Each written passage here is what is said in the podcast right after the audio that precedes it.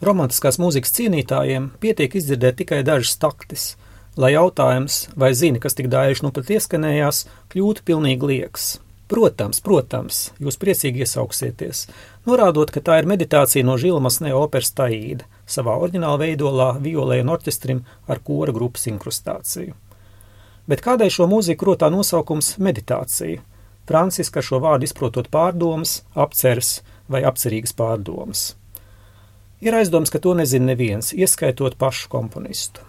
Kas ir attiecīgās meditācijas objekts un kuru te varētu uzskatīt par meditējošo subjektu, ir jautājuma kopa, kurai atbildes varētu meklēt tikai un vienīgi operas notikumu kontekstā. Partitūras rokrakstu oriģinālā un arī drukātajos izdevumos tiek precīzi norādīts, kādās noskaņās franču meistars te būtu gribējis dzirdēt attiecīgo fragmentu, proti Andante religioso, Klavīra rokastā savukārt tiek lietots apzīmējums meditation religieuse, proti reliģiska meditācija. Nav no noslēpums, ka Anatola Franca romāna iedvesmotajā Luija Galē libretā un Žilmasnē operā galvenais varoņu pāris ir kurtizāna Taīda un mūks Atanēls. Tas tomēr nenozīmē, ka mūsu iztēlē būtu korekti uzbūrt vīziju ar operas pirmajos divos cēlienos tik agresīvo askētu, kurš lotus pozā ieslīdis apcerē, kā viņš labāk varētu pārliecināt jauno, bet jau pieredzējušo Vēnēras priesterieni pievērsties šķīstam dzīvesveidam. Tikai funkcionālā ziņā meditācija nesagādā nekādas problēmas. Tā atrodas otrajā cēlienā tieši starp pirmo ainu, kas nu pat risinājusies Taīdas greznajā mītnē, un otro ainu, kas tūlīt notiks laukumā pie Taīdas nama.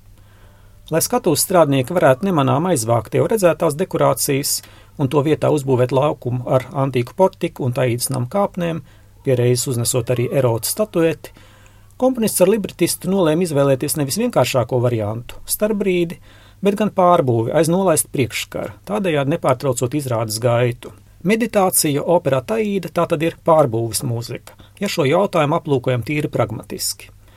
Tomēr šāds skaidrojums, kas racionālam prātam šķitīs gana labs, jūtīgām dvēselēm varētu likt noskumt, un tas nekādā ziņā nav pieļaujams. Poetiskāk atbilde varbūt meklējama otrā cēliena pirmās ainas noslēguma frāzēs, kas izskan brīdi pirms meditācijas sākuma.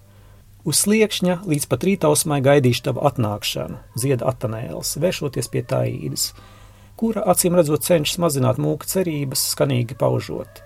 Nē, es esmu taīda, kurtizāne. Es vairāk neticu nekam, es neko vairs negribu. Ne viņu, ne tevi, ne tavu dievu. Sekot aīdas smiekli, kas pārvērš smieklos caur asarām.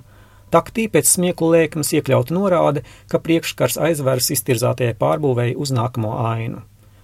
Orķestris brīdi bango, tad pakāpeniski nomierinās un iesāks meditāciju. Tas nozīmē, ka absolūti par visu, kas uzreiz pēc smiekliem notiek varonas istabā turpmākajās minūtēs, trūkst jau kādas informācijas.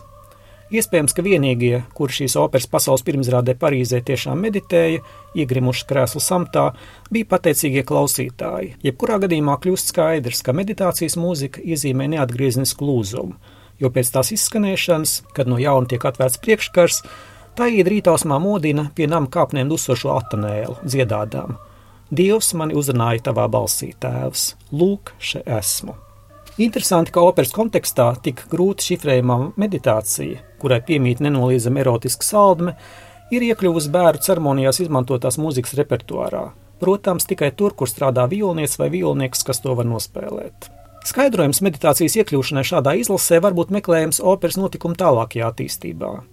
Izbijusī kurtizāna beigu beigās domā vairs tikai par dievišķo un mūžīgo, Pievarot acis, bet ne ausis, kam mūkam atanēlam, sapņojot par taīdu, prātā nāk tikai un vienīgi laicīgas vēlmes, kuru spēks pieaug aritmētiskā progresijā. Andante religiozo materiāls pēdējo reizi izskan varonas nāves ainā, kad taīda vaicā, te citēšu Latvijas Nacionālās operas 1929. gada uzvedumā lietoto tulkojumu. Vai prātā tev tās gaišās laimes dienas, kad man šurpi vedi tu? Atanēla atbilde, man prātā tik tavs iznīcīgais skaistums – Savā ziņā ir traģiska, jo jau pēc piecām minūtēm varonis dvēseli dosies pie dieva, atstājot mūku pie iemīļotās sievietes miesām. 1894. gadā pirmatskaņotās operas dramaturģija nenoliedzami būvēta kā saudabīgs šķērs starp abu varoņu iekāri un šķīstību, un ar slaveno meditāciju, kas minētajā šķērēs uzskatām par konstruktīvo saistījumu posmu. Tomēr Žilmasnē ārkārtīgā meistarība ir meklējama pavisam citā apstāklī – Savā mūzikā viņš abus šos fenomenus, iekāri un šķīstību, prot atainot gan kā pretmetus, gan arī kā aizkustinošu, dievišķā un pasaulīgā elementa vienotību.